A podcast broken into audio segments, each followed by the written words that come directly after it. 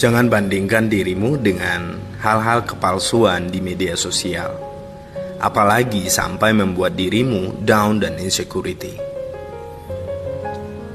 Postingan dengan rumah dan mobil mewah belum tentu milik mereka sendiri loh. Mereka yang kelihatan bahagia dengan pasangannya, belum tentu juga mereka memiliki rasa yang sama seutuhnya. Mereka dengan wajah mulus, cantik, ganteng, belum tentu aslinya seperti itu, karena ada ribuan filter yang siap membawa kita menjadi orang lain, kayak foto di samping. Hehehe. Mari nikmati kesunyian hidup, fokus terhadap diri sendiri.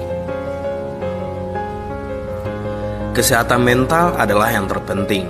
Bagiku, media sosial untuk menyenangkan mood kita sendiri bukan menyenangkan semua orang.